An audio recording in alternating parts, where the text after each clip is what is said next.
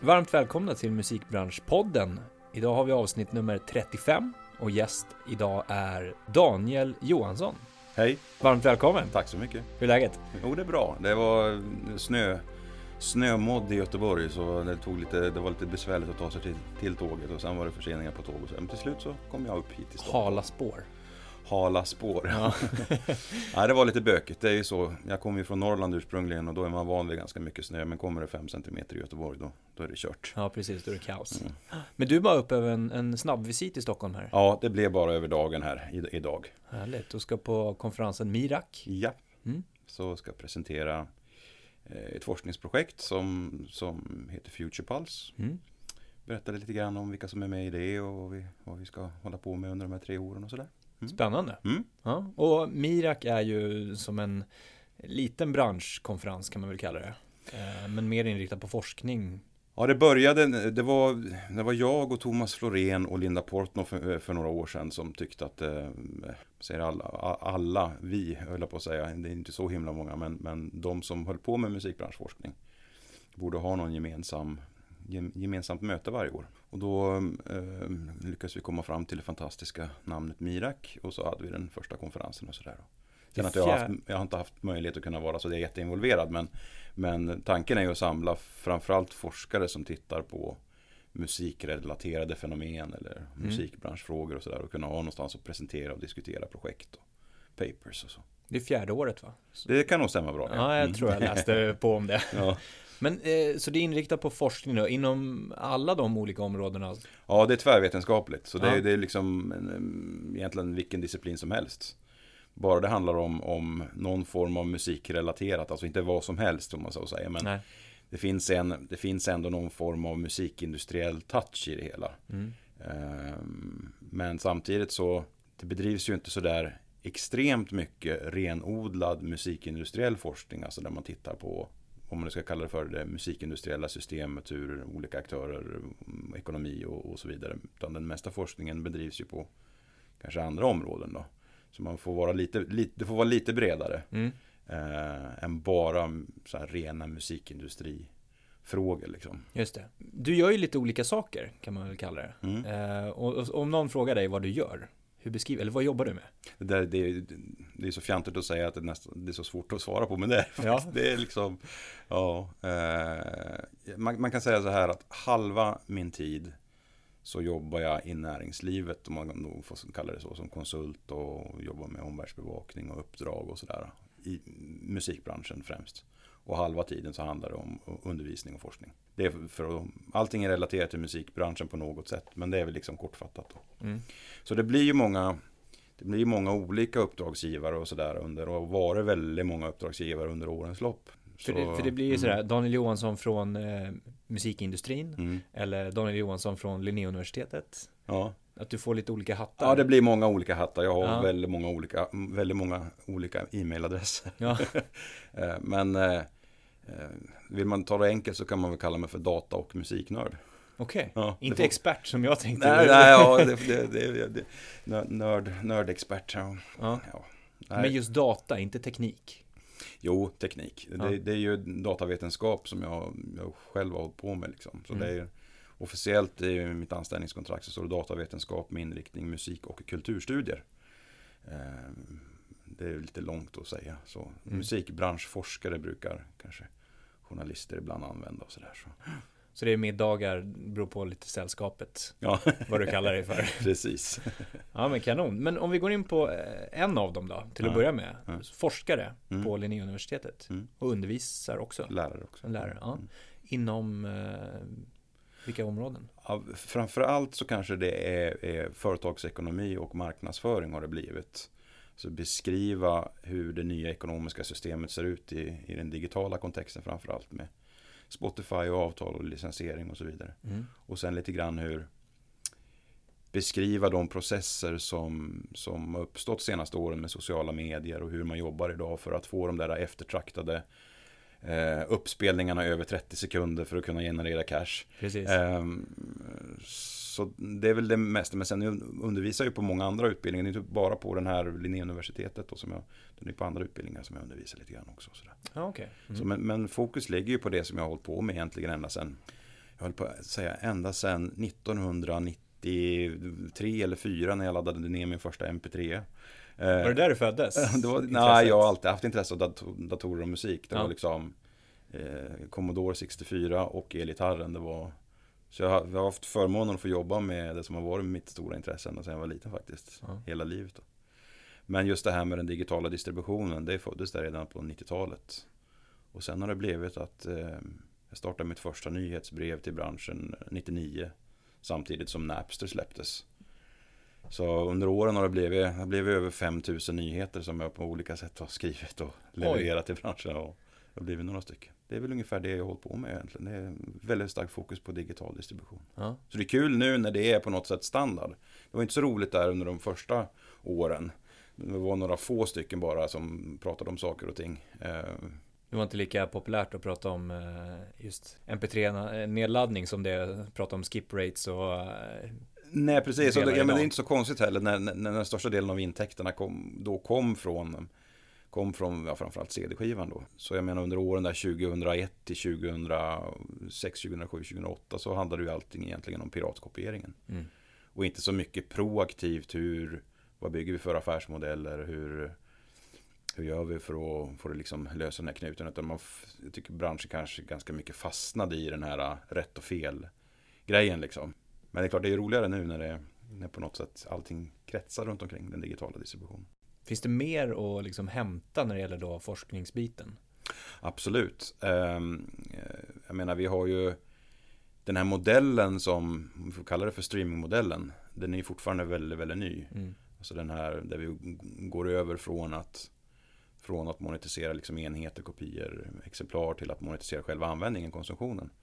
Ehm, och den kommer ju säkert vi behöva tweaka och förändra på många olika sätt under de kommande liksom, åren och årtiondena.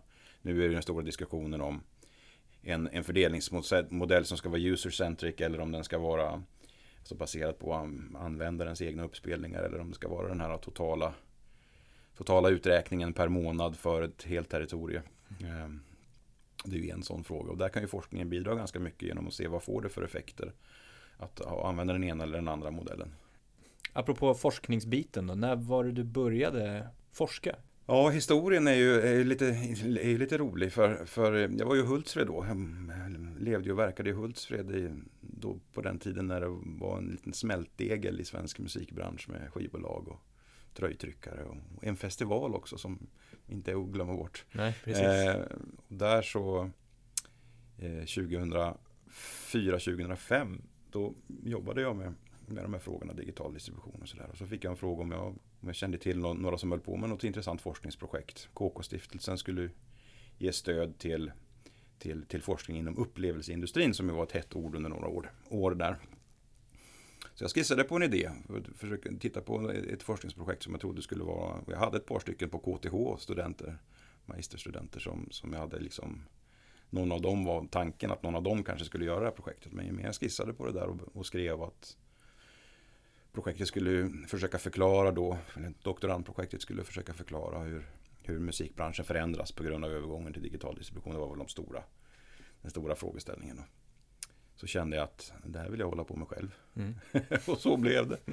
Eh, och sen fortsatte det så och sen så var jag ju på Blekinge Tekniska Högskola då och sen så satt jag på KTH två, två år.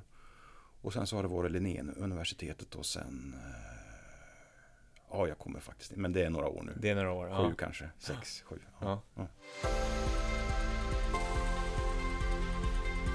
Sen är du ju också skribent då Mm. eh, på musikindustrin. Mm. Eh, Du började prata dig om nyhetsbrevet till Mm. branschen, men det var inte musikindustrin.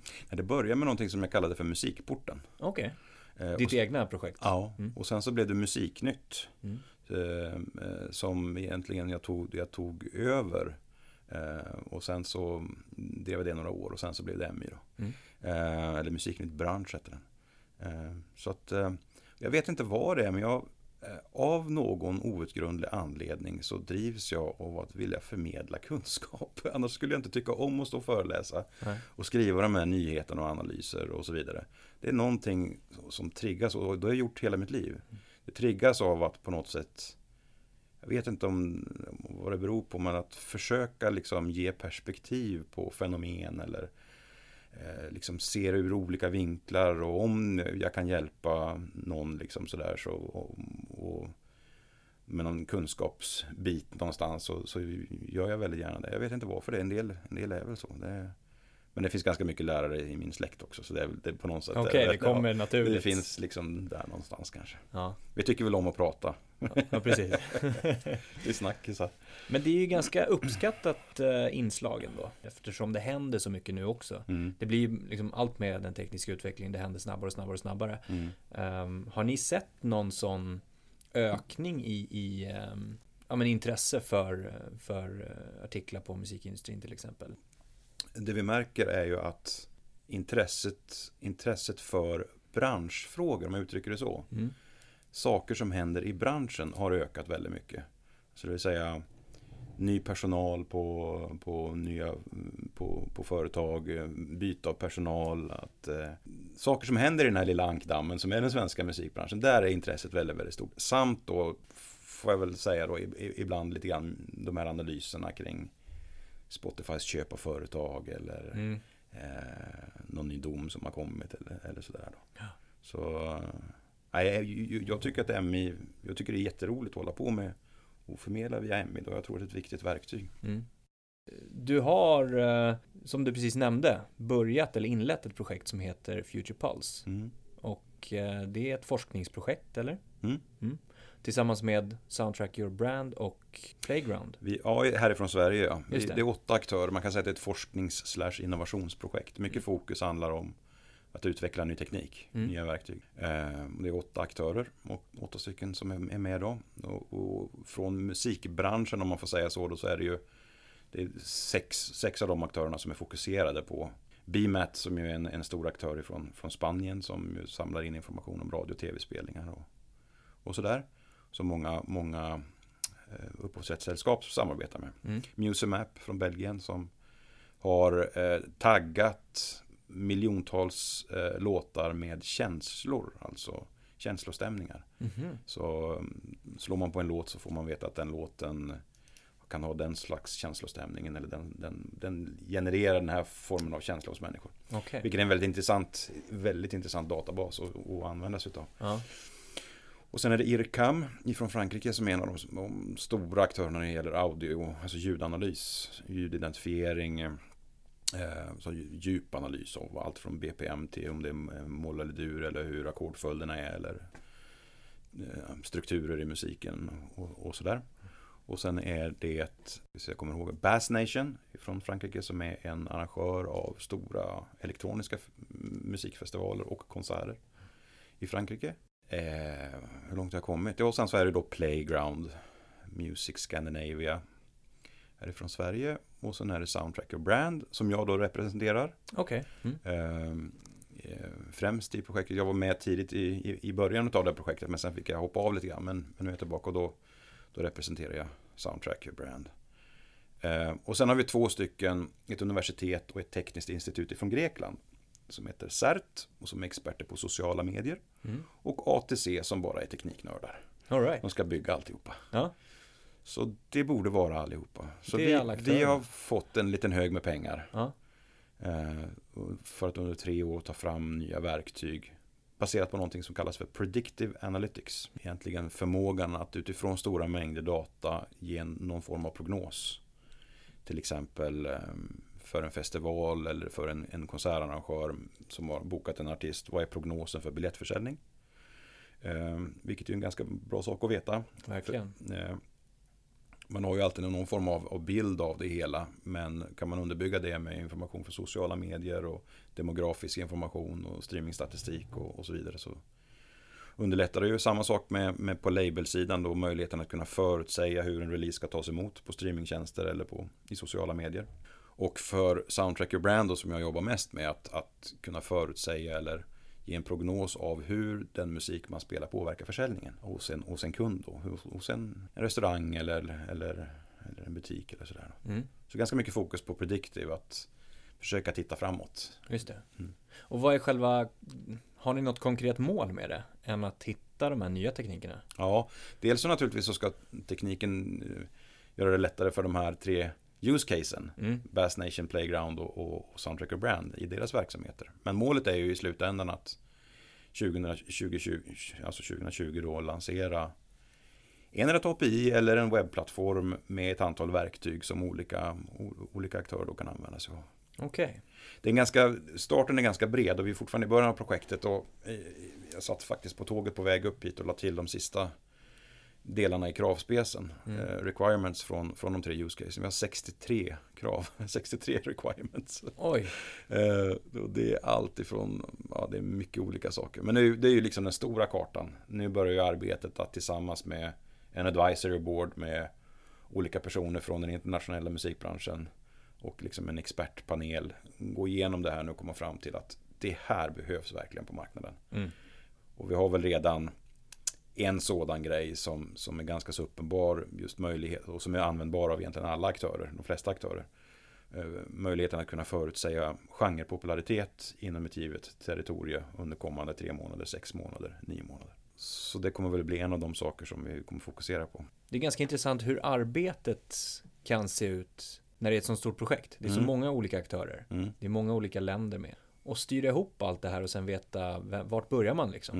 Mm. Eh, som du säger, du har de 63 eh, speskraven. Mm. Eh, och du har någon slags idé kring vad du vill åstadkomma och vart man börjar någonstans. Det är ju otroligt intressant. Vet Mm. du till exempel hur du har zigzackat ut vägen framöver? Ja, jag vet ju precis hur jag vill ha det, men, men, men eh, det ju, finns ju 25 andra människor med i projektet. Ja. Nej, men det, alltså, en del av ett sånt här projekt handlar också om att dels komma överens med, med, alltså med andra kulturer. Mm. Det är ganska stor skillnad mellan greker och, och spanjorer och belgier och frans, fransoser och olika kulturer i hur man lägger upp projekt och genomför projekt. Men det som är så bra med det här projektet nu, det är att vi har sådana, alltså förutsättningarna är så extremt bra. Mm. Vi pratar om dels människor, liksom, kompetensen hos människorna, men också tekniken som finns både hos Certo ATC i, i Grekland, men också Musimap, Bimet, Ircam. Det finns förutsättningar för att komba de här databaserna, den här informationen, all den här datan som finns till att göra någonting helt nytt. Och det är ju, var ju det som EU också tyckte var styrkan i projektet, att det redan finns så mycket gjort. Vi har redan så otroligt mycket data. Nu ska vi bara försöka se till att skruva till det där så att vi kan använda det på, på nya sätt för musikbranschen. Jag tycker ju sånt här är jättespännande, men det jag tänker på också samtidigt är du säger 2020, det är ganska lång tid framöver och det kan hända ganska mycket Mm. under tiden också. Absolut. Och att man behöver ta i beaktning alltså den förändringen som sker eh, längs vägen. Absolut. Och eh, med tekniska lösningar och sen så helt plötsligt så kommer någon annan och, och lanserar något liknande eller vad det skulle kunna vara. Har du någonsin, tänker du någonsin i de banorna? Ja, vi, har, vi har en struktur i projektet för det. Okej. Så den första grejen vi gjorde i projektet det var, det var helt enkelt att göra en ganska stor marknadsanalys. Mm. Och det visade sig ju ganska så snabbt att vi började med den här ansökan för tre år sedan.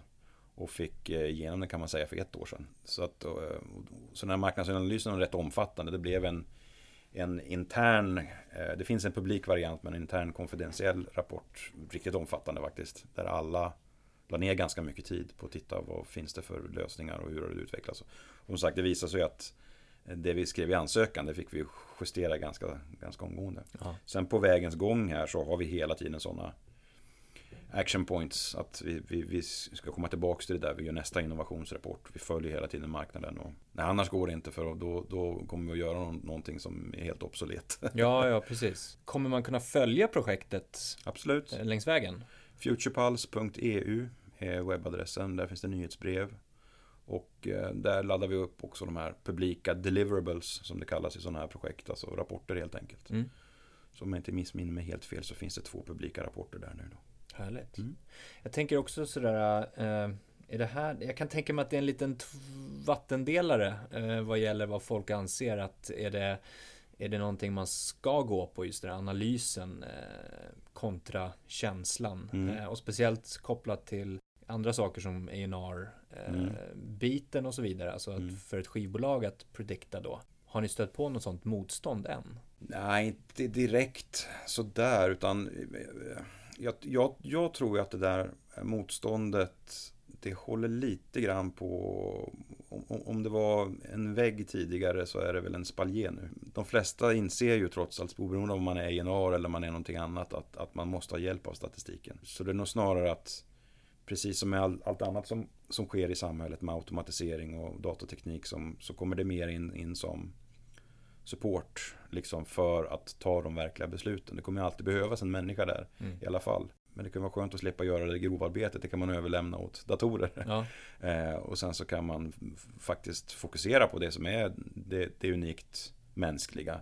Att kunna gå på magkänslan och, och liksom ibland kanske till och med gå emot statistiken och säga att just på grund av att det ser ut så här så ska vi välja den här artisten istället för den artisten. Exakt. Eh, så att, eh, men den, en verklighet där man, jobb, där man är datadriven det tror jag vi redan är i och det kommer bli ännu mer framöver. Och, det tror jag de flesta nog är, är nog förberedda. För, för några år sedan då, då, då, då var det, kan det ha varit så starkt motstånd. Ja. Man kände sig hotade. Men eh, när man märker att det där hotet kanske inte riktigt var så avancerat som man på just den, den delen i branschen. Så att man känner sig lika orolig. Det som jag tycker är fantastiskt i alltihopa det här det är ju att musiken börjar, tycker jag, äntligen få den position som den borde ha. Den är ju så pass betydelsefull i människors vardag och liv och mm, påverkar människor vare sig det gäller, det gäller en låt som, som spelas på ICA eller om det är i hörlurarna i sin ensamhet. Och jag tycker att musiken verkligen börjar få den positionen. Dels när det gäller teknikutveckling och när det gäller ekonomi. Och jag skrev någon sån Facebook-app post här för, för, några veckor sedan att äntligen så, äntligen så får musiken sin beskärda del av riskkapitalet. Det finns ju en del som klagar på det och tycker att ja, är det en bubbla det här med alla som får alla de här pengarna och sådär. Äntligen tycker jag då. Mm. Eh, det är väl verkligen dags. Ännu mer. Mm. Så får vi ytterligare få in pengar också som, som, som investeras i, i, i kärnprodukterna, så vi själv, säga själva musiken. Mm. Det vore väl också trevligt. AR, augmented reality, mm. har vi ju, eh, jag vet att du är väldigt intresserad av det. Mm. Och hur det liksom påverkar eller kommer påverka musikbranschen och konsumtion och användning av musik. Mm. Eh, ska vi först kort bara dra vad AR är, augmented mm. reality? Har du någon bra sammanfattning? Senaste tiden har jag börjat använda den mixade verkligheten istället för AR. AR som ju är en för, eller mixed reality. Ja. Um, augmented reality betyder någon form av förstärkt verklighet eller förhöjd verklighet. I princip vad det handlar om är att lägga lager av information på den fysiska omgivningen. Mm. Uh, och den informationen projiceras senare på glasögon eller linser eller liknande. Det är i alla fall, ska kunna kalla det för en mer avancerad form av Pokémon Go. Ett område som är mycket spännande och som inte bara jag utan många, många andra tror kommer att förändra inte bara musikbranschen utan hela, hela, vår, hela vår utveckling i samhället. Mm. V vad är det som intresserar dig i just den här biten då? Är det just att det är det kommande? Ja, jag, jag har funderat ganska, alltså på något sätt, det är också en sån där grej som, som jag alltid har tyckt om, det är att tänka på framtiden. Mm. Eh, naturligtvis så tycker jag om science fiction och, och sett Blade Runner säkert 20 gånger. Men, men eh, eh, jag vet inte, jag drivs av det här att försöka kunna se vartåt vi är på väg. Det blir som, det är kanske också någon form av kontrollbehov. Det blir lättare att leva då om man vet vart man är på väg. Det är väl inte så sen kanske, man ska, men, men det är eh, i alla fall kul att veta vad som kommer att hända. Och, och streamingen tycker jag vi var ganska så tidiga med att och, och liksom förutse. Eh, redan på slutet på 90-talet, där kring 2000-2001, så var det ganska många som, som förstod att Spotify-modellen skulle bli den nya modellen. Vi har bland annat en, en ehm, som då var student och som numera är erkänd person i branschen som heter Michel Kadir. Eh, som skrev en uppsats, jag tror den var klar 2001, som i princip förutsade precis där vi är idag. Men sen så har man hela tiden funderat, när man kom in i det då, så helt plötsligt så händer det här och vi, vi får den här streamingmodellen.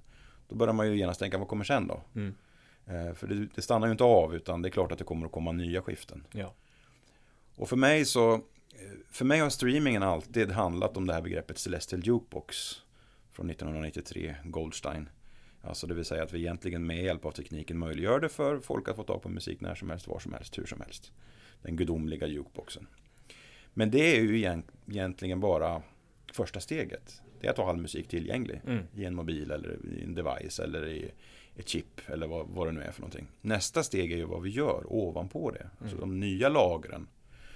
Och det är där jag tror att vi kommer att ha en mängd nya format som vi idag inte ens har en susning om vad det skulle vara för format. Det kanske är till och med så att vi inte ens kommer att prata om streaming om 10-15 år. Därför det är bara en sån basal grund i leveransen. Lika lite som vi pratar om hur elektriciteten flödar i väggarna eller Mm. den bara finns där. Mm. Och mycket väl kan det, på samma sätt som googla har, har blivit ett begrepp, så kan det mycket väl vara så att de nya formaten, de nya begreppen är knutna till nya varumärken.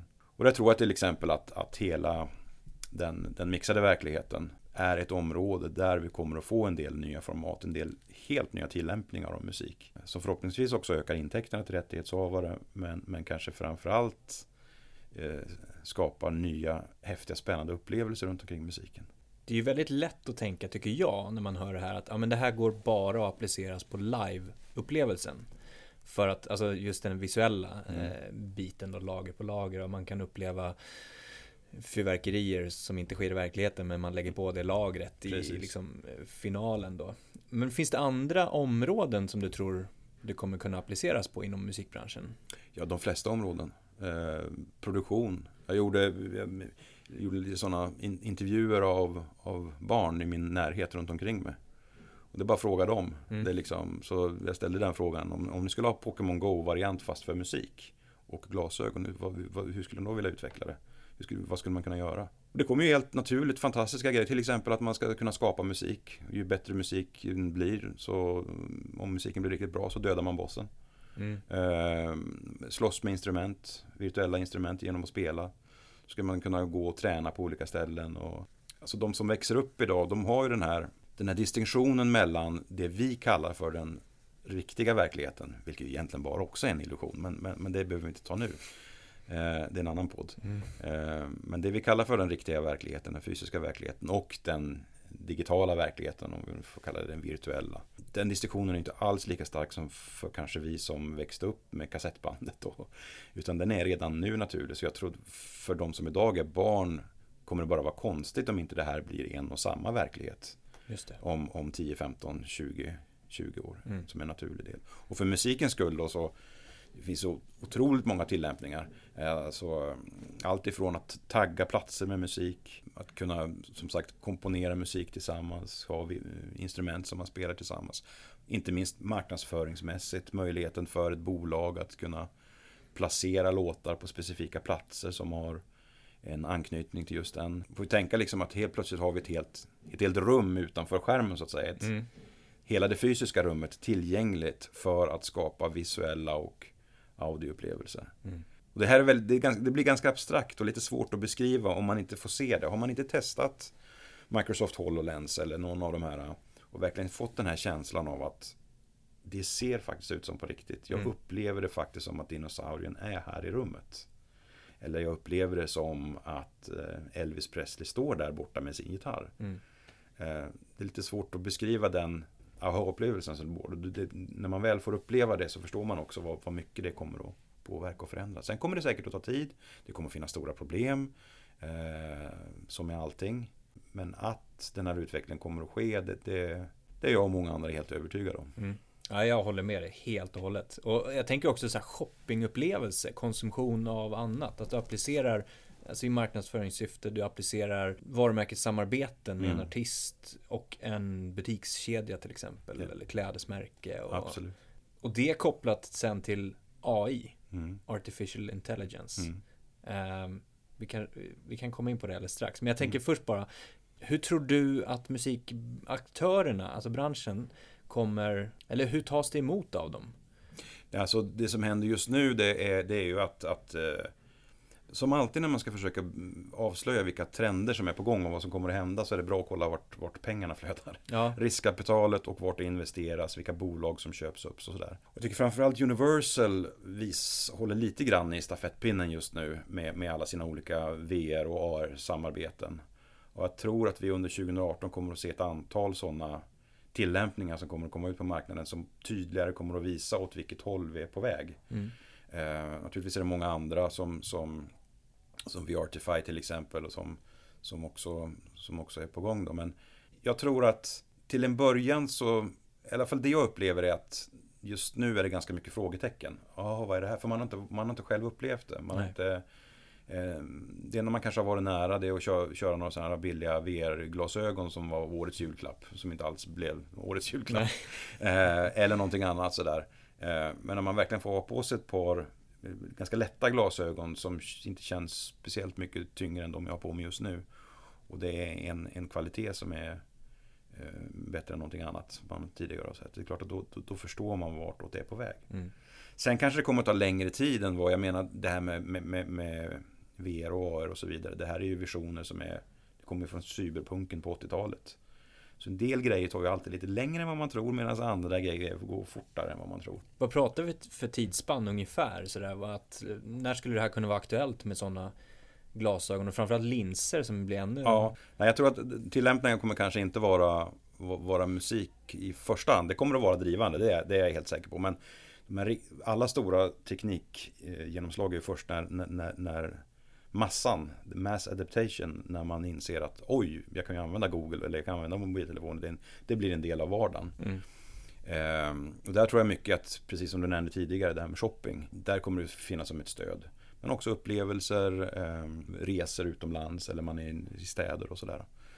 Eh, jag tror att, eh, att det kommer att kunna ta kanske lite längre tid än vad man tror. Men eh, säg att tekniken är tillräckligt billig och har tillräckligt hög kvalitet om säg 4-5 år. Mm. Eh, och så ska vi ha lite tillämpningar på det. Så kanske en situation kring 2030. Mm.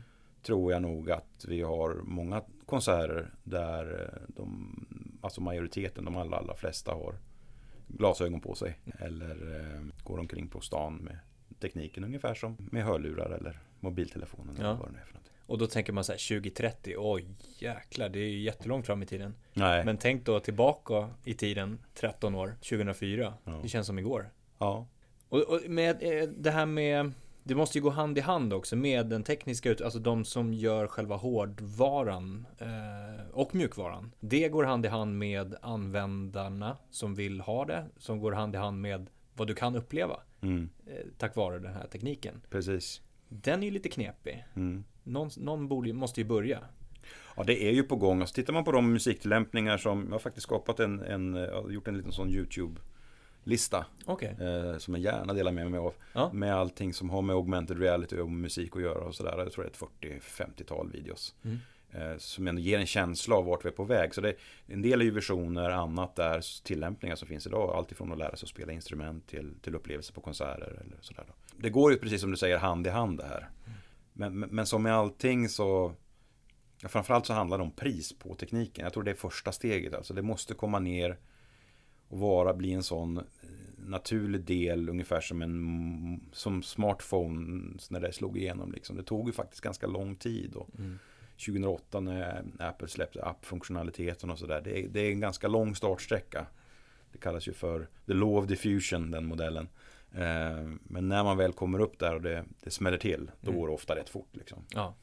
Eh, och det är väldigt svårt att veta när den där tröskeln nås. Det kan gå snabbare, det kan ta längre tid. Eh, men, men med stor sannolikhet kommer vi att hamna där. På något sätt pekar det mesta åt att vi, vi kommer spendera mer tid i den mixade verkligheten kanske. Mm.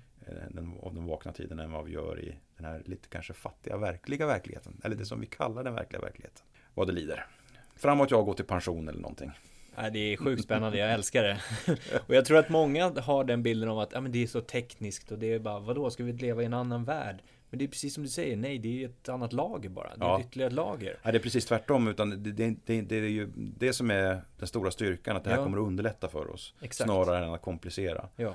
Ehm, framförallt om vi pratar alltså, allt ifrån sjukdomar som Parkinson till demens. Möjligheten att kunna ha pilar som pekar att nu skulle du göra det här om du till exempel lider av demens. Mm. Ehm, träningsmöjligheter. Alltså det, egentligen Framförallt är det ju de tillämpningarna som har att göra med kanske det området, alltså de områdena. Människor som är handikappade eller, eller för den delen transport. Mm. Sånt som är en, en verkligen en, en vardag i våra liv så handlar det ju om att underlätta. Mm. Snarare än att, än att komplicera det då. Men sen är det alltid, det är så otroligt svårt och det är ju ändå trots allt kvalificerade gissningar, mer eller mindre kvalificerade gissningar. Och det är så väldigt svårt att veta precis hur det kommer att se ut. Man har ju alltid en tendens att beskriva saker mycket fluffigare än hur de upplevs när man väl är där. Ja. Hade vi, skrivit, hade vi beskrivit hela appfunktionaliteten, streaming, möjligheten att ha tillgång till musik när man vill, hur man vill. Hela den här verkligheten 1997. Mm. Och det fanns säkert de som på olika sätt beskrev det. Men då betraktades de ju som helt konstiga. Mm. Därför att deras fluffighet runt omkring det blev betraktat nästan som ja, det, Are you for real liksom. Mm. Och så är det ju med det här, så är det med AI, så är det med nanoteknologi, så är det med alla de här stora tekniska genombrotten. Det är jättesvårt att... För att vi, när vi väl är där, då blir vi ju vana med det. Mm. Och då är det inte så speciellt. Nej. Och så kommer det att bli med, med, med den mixade verkligheten också. Och vi vänjer oss snabbare och snabbare. Precis. Så fort det kommer något så har vi vant oss på tre månader. Mm. Och det här med AI, Artificial Intelligence, går de hand i hand? Ja, de gör ju det på något sätt eftersom, eftersom det är ju så maskininlärning eh, är ju det stora som är på tapeten nu. Där flödar också en hel del mycket pengar. Alla som, som säger maskininlärning får, lite, får en extra nolla i investerat.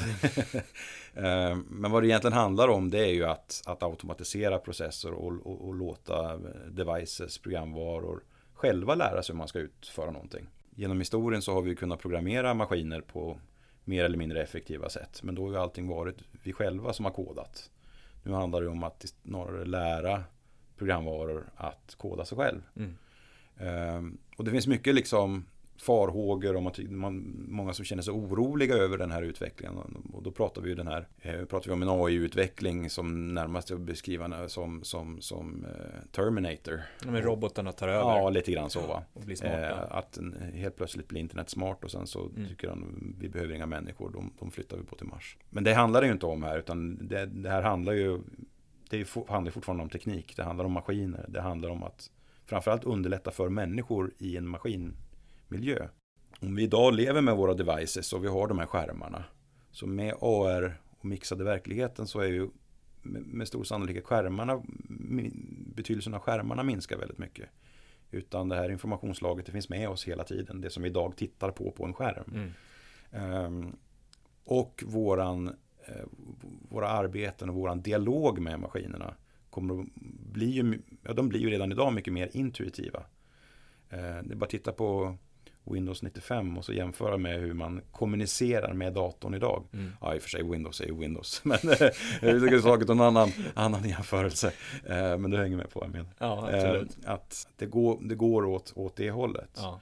Och för till exempel ett sådant forskningsprojekt eller innovationsprojekt som FuturePulse, som, eh, där är ju maskininlärning central. Eh, både IRCAM och Musemap och BMAT använder sig av AI eh, för att kunna lära maskinerna helt enkelt. Mm. Så de behöver ett gäng dataset. Till exempel om vi vill om vi skulle vilja särskilja, automatisera att, eh, och analysera särskiljandet mellan en kvinnlig och en manlig eh, sångröst i en låt. Det man gör då är helt enkelt att man tar ett set på, säg 30 000 låtar och sen så taggar man det manuellt. Och sen lär man maskinen att de här parametrarna ska du titta på, det här ska du lyssna efter för att avgöra det. Eller om det är vad det nu är för någonting man vill analysera. Och det där håller på, det håller på att påverka stora delar av musikbranschen och kommer göra det mycket, mycket mer. För, kanske inte minst inom på rättighetsområdet. Mm. Där som idag, ja, det- det är helt enkelt väldigt många människor som måste sitta och jobba med licensiering, eh, de ganska tungrodda delarna utav musikbranschen. Eh, Och det är där AI och maskininlärning verkligen kommer på sin spets. Mm. Möjligheten att kunna automatisera de här processerna. Så kan människor få göra lite andra roliga saker istället för att hålla på med, med, det, med det tråkiga. Mm. Men sen naturligtvis eh, i musikproduktionen, det är klart att vi kommer att få, och redan till viss del kanske har på vissa områden, en, en situation där musikmiljöer, eh, spellistor och så vidare, både automatisera, urval automatiseras men också att produktionen av musiken blir mer automatiserad. Det kommer fortfarande att behövas människor där också. Tryck igång en AI och säg gör 30 rocklåtar. Sen väljer du som människa den bästa. Ja. Och sen säger du att gör 30 stycken som liknar den här. Eh, människan kommer alltid att behöva finnas där men arbetsprocesserna tror jag kommer förändras väldigt, väldigt mycket på grund av AI. Finns det andra områden inom musikbranschen? Jag tänker på eh, Du har pratat om eh, A&R-funktionen till exempel Mm. eh, kopplat till den här tekniken. Ja, det här är ju en intressant, jag menar, det här är ju en diskussion som pågår på kontoren och på, på konferenser hela tiden just nu. Alltså det vill säga ska urvalen styras av vad marknaden anser. Vilket idag är ganska så lätt, relativt lätt, genom att samla in stora mängder data från mm. sociala medier, streamingtjänster. Vad tycker folk om? Mm. Och sedan automatisera processen och göra det mer effektivt att helt enkelt ge publiken vad den vill ha. För vi vet ju vad de vill ha. Eh, eller eh, ska vi ha en process där vi så att säga överraskar publiken, utmanar publiken, eh, utmanar människor. Och där tror jag att just framförallt kanske augmented reality under den mixade verkligheten kommer att ytterligare bli nästa steg i den här prosumtionen. Mm. Alltså det vill säga att, att det inte bara är en konsumtion där någon sitter med öppen mun och bara tar emot. Utan där marknaden, publiken aktivt är med och skapar innehållet. Mm. Eh, vi har inte ens, vi kanske inte har statisk musik på det som vi har idag utan det kommer kanske vara en mycket mer dynamisk musik som förändras, flödar på ett annat sätt. Både i rummet och, och, och, och mellan människor och förändras över tid. Om vi ska dra lite slutsatser här så känns det som att eh, stå på tå är eh, genomgående för aktörer, för konsumenter, för skaparna. Eh, och, och liksom applicera det som kommer. Mm. Eller att vara med och skapa mm. det som kommer också. Ja, absolut. Och jag tycker det för tio år sedan då, eller ännu mer 15 år sedan, så var man ju inte alls på det sättet på, i, i, musikbranschen. Men jag menar idag är ju varenda musikbolag är ju egentligen ett IT-bolag idag. Eller en form av teknikbolag. Och man är ju med och driver utvecklingen. Så det finns helt andra förutsättningar nu. Det som jag tycker är häftigt med hela det, allt det här och all teknik hit och dit och all den här utvecklingen och sådär. Det är att på något sätt är musiken nästan ännu viktigare än vad den någonsin har varit. Mm. Alltså själva innehållet. Alltså känslan, eh, förmågan att förmedla en känsla. Det här enorma att liksom fyra miljarder människor bara pang tittar på en video. Utan att säga några namn på vilken video det är, mm. men alla vet vilken det är. eh, men just den här kraften i kollektivet som faktiskt finns med, med informationstekniken. Och att det är, det är verkligen musiken som är så central. Mm. Eh, inte att den på något sätt bara försvinner ut i periferin. Och det tror jag är någonting vi, alla teknikskiften vi går igenom framöver så kommer det fortsätta att vara så eftersom musiken om någon outgrundlig anledning lägger oss så nära som de djur vi är. Och du tror att branschen och utvecklingen kommer gå till någonting positivt? Det kommer, det kommer att finnas utmaningar. Yeah. Jag tror fortfarande det kommer att finnas ekonomiska utmaningar. Vi är långt ifrån hemma. Eh, rätt som det är så kommer piratsvängen på med någonting nytt. Vet du. Mm. Eh, det här är ju det här är liksom, det är så här utveckling sker mm. och har gjort genom hela historien. Men, men, bara vi kommer ihåg liksom att det handlar om människor, det handlar om människors känslor. Eh, och, och, och, det handlar om känslan av musik. Eh, så tror jag att det ger sig själv på något sätt. Även om du får ha hur många AI du vill som producerar musik. Det kommer ändå, ändå vara så att det måste stå Andreas. Eller Anders, eller Thomas, eller Daniel på den som är låtskrivare. Sen om det är en AI som har gjort det så vill man ändå ha connection till människan. Ja. Eh, och det tror jag kommer att finnas kvar under förhoppningsvis många århundraden. Mm. Spännande tider framöver helt enkelt, mm. så kan vi sammanfatta det. Och mycket intressant samtal. Eh, stort tack för att du kom förbi. Och tack själv, det var trevligt. Snackade. Ja. Och lycka till på konferensen nu. Tack så mycket.